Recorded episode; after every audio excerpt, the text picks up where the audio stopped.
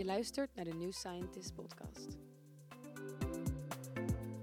Leuk dat je luistert. Hier in de studio zitten we met twee experts op het gebied van water, Roberta Hofman en Maarten van de Ploeg.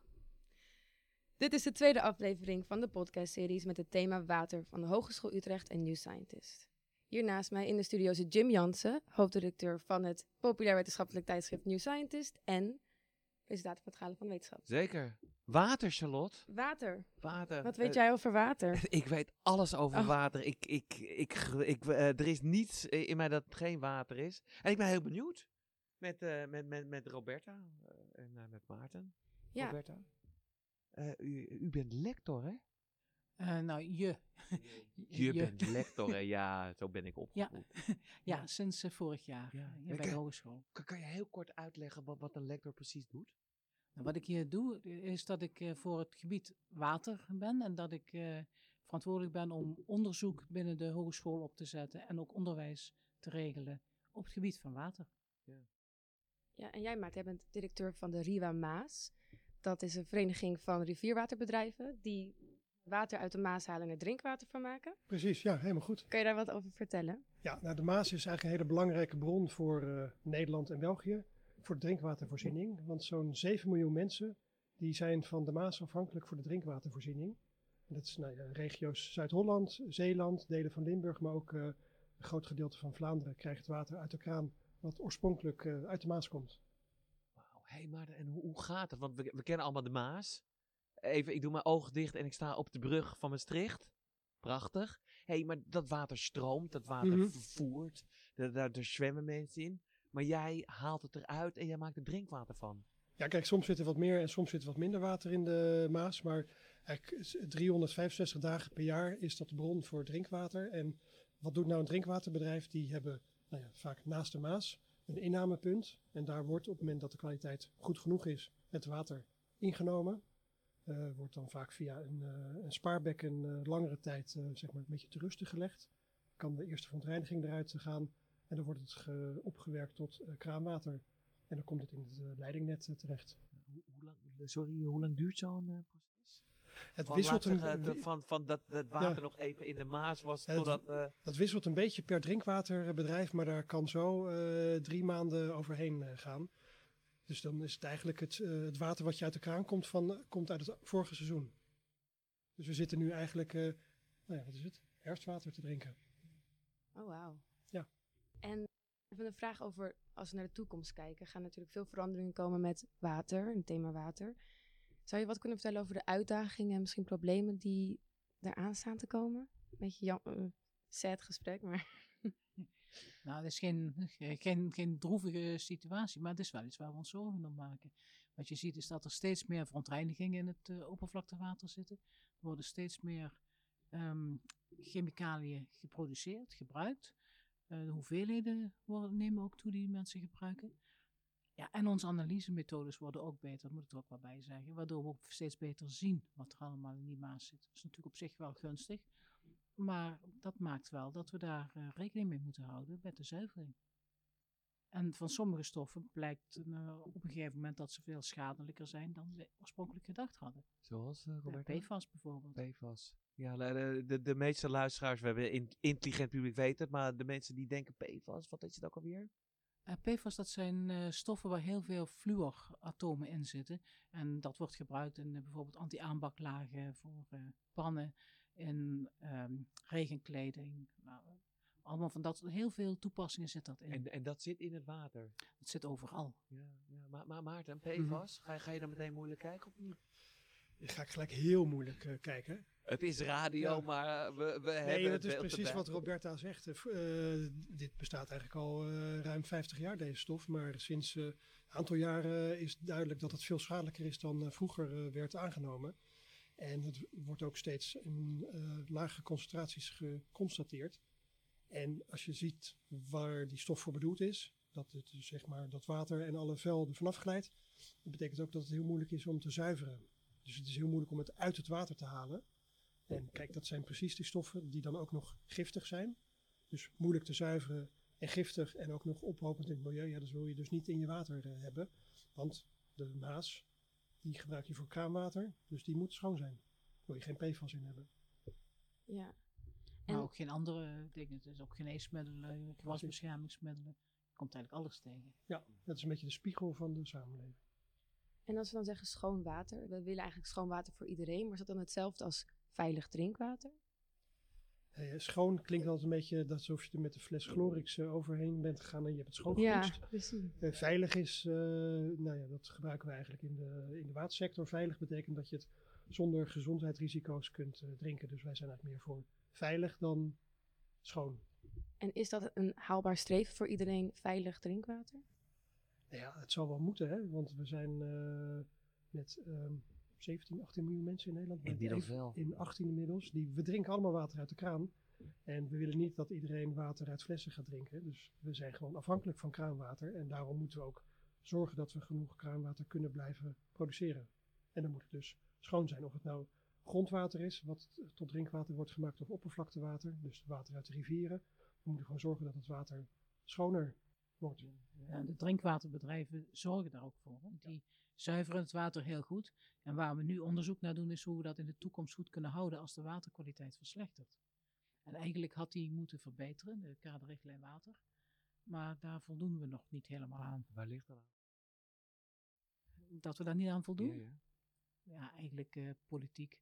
Het, het staat niet, eh, niet erg hoog op de agenda. En wat tot nog toe gebeurd is, eh, we hebben al, eigenlijk moeten we al jaren voldoen aan die kaderrichtlijn water. Maar er was een mogelijkheid om uitstel aan te vragen. En dat is enthousiast gedaan.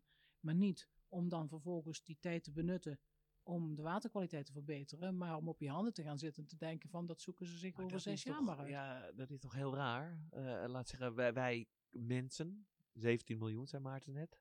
Ik heb het nageteld. Wij kunnen niet zonder. We wassen, we, we sporten, we vervoeren, we drinken, et cetera, et cetera, et cetera. En dan eh, eh, gaat Den Haag eh, op de handen zitten. Kijk eens naar het stikstofdossier. Dat is precies hetzelfde gebeurd. Ja, Ja, dat is een Ja. ontzettend mooi bruggetje. Want Ja. Charlotte, eh, jij, jij hebt de titel voor deze podcast bedacht. Water is het nieuwe stikstofdossier. ja, denk je dat dat, ehm, denk je dat dat kan? Mm, Ik ben bang dat dat zo is. Ja, Ja, ja we hebben, ik geloof dat we in 2015 moesten voldoen aan de kaderrichtlijn water. Toen kon je zes jaar uitstel krijgen. Nou, dat is gedaan. Hebben we gekregen. Vervolgens kon je nog één keer zes jaar uitstel vragen, dus 2027. Maar dan is het ook echt gedaan. En als je dan niet voldoet aan die kaderrichtlijn water, dan komen er boetes vanuit Brussel. Ja. Terecht. want En, kan je vertellen, wat de, heel kort, wat, wat is de kaderrichtlijn water? De kaderrichtlijn water die heeft een soort eh, een, een, een, nulsituatie gedefinieerd. En eigenlijk mag het water, de waterkwaliteit sinds die tijd niet achteruit zijn gegaan. En heel kort samengevat komt het erop neer dat eh, de oppervlaktewaterkwaliteit zo goed moet zijn dat je met een eenvoudige drinkwaterzuivering drinkwater kunt maken. Ja, en wat we zien in Nederland is dat steeds meer drinkwaterbedrijven ingewikkelder zuiveringen aan het eh, Toepassen toepassen en aan het bouwen zijn om het water eh, om te kunnen toveren in veilig, schoon drinkwater. Dus dat is precies de verkeerde kant op. Ja, ik, ik ga even door naar de Maas. Maarten, hoe is het bij jullie? Nou, precies zoals Roberta het eh, schetst. Eigenlijk zou je veel minder inspanning moeten leveren om het water te, te kunnen zuiveren. En het tegenstelde is, eh, is waar. Eh, nou ja, als je het net hebt over die stoffen zoals PFAS, eh, gewasbeschermingsmiddelen, medicijnresten, andere industriële st- stoffen, die moeten allemaal verwijderd worden. Eh, het kan wel, eh, maar het is ook een beetje de vraag hoe ver wil je gaan met zuiveren. Want uiteindelijk ben je het milieu aan het verontreinigen door hele hoge energieconsumptie met chemicaliën, met enorme afvalstromen. Dus dan maak je eigenlijk het milieu vies om het water schoon te maken. En dat is een beetje een omgekeerde wereld. Als je nou gewoon vanaf het begin zorgt dat het water niet vies wordt, hoef je daarna ook niet het milieu te belasten om veilig kraanwater te produceren. En la- laat zeggen, in Brussel eh bedenk ze dingen. Eh, eh, eh, of- nou, dat, dat nee? is wat kort door de bocht. Hè? u, u bent expert? Nou, nee, maar de, de wetgeving die in Brussel wordt bedacht, die wordt bedacht door onze politici. Hè? ja. Die, die waren daarbij, die hebben dat ondertekend, die Mhm. hebben dat mee vormgegeven. Dus een beetje simpel om te zeggen van ja, Brussel zegt, Nee, nee maar bij? Brussel, wij waren in Brussel, dan maken we afspraken en dan gebeurt dat niet. Dat lijkt me ook wel ingewikkeld, omdat daarom vind ik het mooi dat Charlotte het stikstofdossier, waar is de nieuwe stikstof, mooi, maar ook inderdaad echt wel zorgelijk, toch? 2027 is zo. Ja. Nou ja, het is zorgelijk in, in verschillende opzichten. Eentje, hoe je het zou kunnen bekijken, is... ehm, kijk, bij de kaderrichtlijn water moet het water gewoon voldoen aan bepaalde waterkwaliteitseisen. En als, dat, als, die, als die waterkwaliteit daar niet aan voldoet, dan ben je zeg maar als land de zaak. Maar je kunt ook als bedrijf zeg maar de klos zijn. Want als jouw bedrijf eh, stoffen loost op het water, wat de kwaliteit verslechtert en waardoor dus de kaderrichtlijn waterdoelstelling niet bereikt kan worden, dan zou dat kunnen betekenen dat jouw lozing niet meer door mag gaan, omdat dat in strijd is met de kaderrichtlijn water. En dat is die parallel die met stikstofdossier wordt gelegd, dat de angst is dat heel Nederland dan plat komt te liggen en dat niemand meer economisch wat zou kunnen of mogen.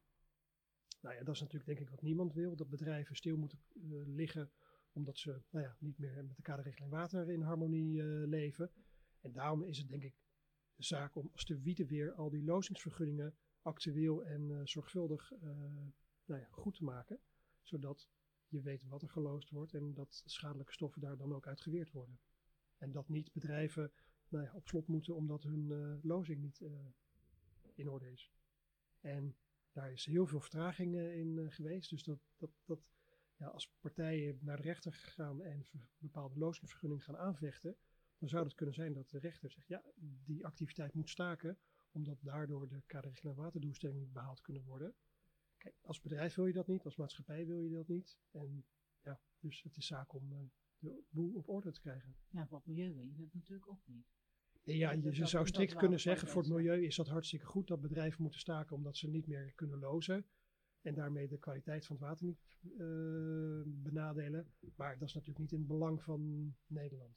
Nee, nee, maar wat ik bedoel is dat je eh, ook wil dat als bedrijven iets lozen, dat ze daarmee de waterkwaliteit niet te erg Water is ook een benadelen. enorm emotioneel onderwerp en ook een heel belangrijk onderwerp. En ik vraag me eigenlijk af waarom dat zo is, Roberta. Doet het je wat, water? Ja. ja, mij natuurlijk wel. Elke dag mee bezig op een of andere manier. Maar eh, water is een heel belangrijk onderdeel van onszelf. Wij bestaan voor driekwart uit water. Ehm, mensen hebben ook wat met water. Eh, kijk naar mijn muziekstukken die zijn gemaakt over water, met water als thema. Ehm, ja, mensen gebruiken water voor een economie, voor een eh, bedrijven, maar ook voor transport. eh, voor dat is natuurlijk belangrijk, recreatie. Ja, mensen gaan ook heel graag eh, naar een rivier of naar een zee kijken. Eh, Heel veel mensen hebben wel wat met water. Ja. Voor jou, Maarten? Nou, ik ben een vervent watersport, dus voor mij is water zeker een eh, emotie. Maar ik vind het heel grappig, mensen worden heel enthousiast van water, dat je kunt zien. Maar water dat je niet kunt zien, daar heeft men eigenlijk niet zoveel mee. Ik bedoel, het water wat door de riolering stroomt, het water wat in de grond zit, daar hebben mensen niet zo heel veel mee. En dat is ook een beetje de, pro- de problematiek die we vaak hebben van de vervuiling komt juist in het water wat je niet ziet. Maar dat beekje of dat meertje voor je vakantiehuis of eh, waar je dan ook bent, dat wil je graag schoon hebben. Maar dat water wat je niet ziet, daar heb je dan weer niks mee. En ja, Moeten we daar wat mee? Moeten we laten het bewustzijn van mensen, ook op dat soort dingen? Nou ja, eh, dat water wat je niet ziet, komt uiteindelijk wel op een plek. En op het water wat je wel ziet. Dus als we gewoon voor al het water goed zijn, dan hebben we ook dat water waar we de meeste band eh, mee hebben. eh, dan wordt die kwaliteit ook goed. ja. Nou, ik hoorde laatst op de radio een eh, rapportage, een rapportage over eh eh, rioolwaterstelsels. Dat die ook de, het grotere aanbod, doordat mensen meer water gaan gebruiken toch, en doordat er ook steeds meer huizen komen, niet meer aankunnen. Ja, dan is het toch ook wel goed dat mensen zich ervan bewust worden wat, eh, Ja. hoeveel afvalwater ze produceren, waar dat naartoe gaat. Ja, ja. Hey, we, we, eh, eh, het is radio, dus de mensen kunnen het horen, maar wij drinken hier kraanwater. Utrechts kraanwater, heerlijk. Dat veilige water, dat gra het is gratis, hè, Charlotte. Hoe, hoe kunnen we dat voor de toekomst garanderen? Maarten, met jouw pet op. Hoe kunnen we nou zorgen dat in 2027 of in 2035 de mensen nog steeds goed, veilig, Utrechts drinkwater kunnen drinken? We moeten eigenlijk stoppen met dat eh, middeleeuwse gebruik dat afval in het water terechtkomt. Als we nou gewoon zorgen dat we water koesteren en dat we daar geen afval in eh, lozen, dumpen, hoe je het wil noemen, dan, dan komen we denk ik aan. En zeker met klimaatverandering, dat je soms ook minder water hebt, ja, moeten we het gewoon koesteren en daar geen afval in, eh in gooien. Ja, ik, ik doe onderzoek naar water. Dus wij, wij, wij doen onderzoek naar waterkwaliteit. Hoe je water veilig en schoon kunt houden. En dat met zo min mogelijk milieu-impact en, en tegen zo laag mogelijke kosten. Maar nu ik hier bij de hogeschool ben, heb ik ook de kans om mensen op te leiden daarvoor. En dat, dat hoop ik dat leidt tot een nieuwe generatie professionals die zich daarmee bezighouden, die de problematiek begrijpen en die zich daarvoor in willen zetten. Ja, dat klinkt wel optimistisch. En dat is misschien ook wel nodig, maar zijn die dat ook? Nou, een beetje wel. Als je nou naar het eh, journaal, naar de krant, eh, de radio, het gaat eigenlijk steeds meer over water, water, water. En vroeger hoorde je niemand over water, ja, behalve zeg maar bij eh, waterdeskundigen. En ik vind het wel goed dat nou ja, heel Nederland inmiddels het over water heeft. Dus de bewustwording is groeiende en daarmee wil je ook, denk ik, uiteindelijk als maatschappij het probleem oplossen. Ja, ja. Eh, Roberta, eh, we gaan langzaam naar, eh, naar het einde van deze podcast. Als we een stip aan de horizon, ehm, het is nu eh, 2024. Wa- wa- waar zijn we bijvoorbeeld in 2030 of in 2035? Is dat, wat Maarten zo mooi zegt, is dat bewustzijn dan, is dat echt groter? Laat zeggen, gaan we dan echt geen afval meer in de Maas dumpen, waardoor eh, Maarten extra moet zuiveren? Robert? Geen afval meer dumpen, dat is natuurlijk eh, wat je wil, maar of dat gaat lukken is de vraag. En dat is ook niet alleen een kwestie van, van Nederland. Als je kijkt naar de Maas, die stroomt natuurlijk ook door andere landen, dus dat geldt wel overal. Maar ik hoop wel dat er dan veel meer bewustzijn is en dat er ook maatregelen zijn genomen tegen die tijd om het dumpen van afval in, de, in het oppervlaktewater te voorkomen. En dat iedereen zich daarvan bewust is dat je zuinig moet zijn op de bronnen voor je water. Ja, ja, voor jou Maarten? Nou, het is nu vaak een beetje het gevoel van, omdat het moet.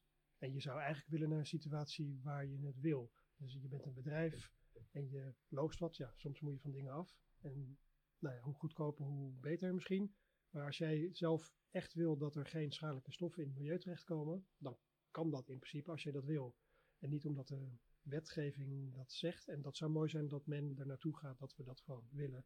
En ik denk, nou ja, net wat Roberta zegt met opleiding van, eh, van young professionals, dat we langzamerhand daar wel naartoe gaan. En zeker als water schaarser wordt, dus niet alleen een kwestie van eh, willen, maar ook een kwestie van moeten. Ja, ja. En als we dat gaan doen, Charlotte, dan blijven wij gewoon fris, lekker, gezond en ook nog gratis. Precies. Ik, eh, eh, ik, vond het, eh, ik vond het hartstikke interessant. Prachtig, eh, Roberta, lector aan de Hogeschool Utrecht. Maarten, hartelijk dank. Ehm, Charlotte, Ja, hartstikke bedankt. Ik ehm, heb superveel geleerd. Jij? ik, eh, ik eh, neem een slokje water. Ja, precies. Nou, hartstikke bedankt voor ook alles wat jullie doen en hier vandaag te zijn. Dank jullie wel. Leuk dat je luistert. Dit is de tweede aflevering van de podcastseries met het thema water van de Hogeschool Utrecht en New Science.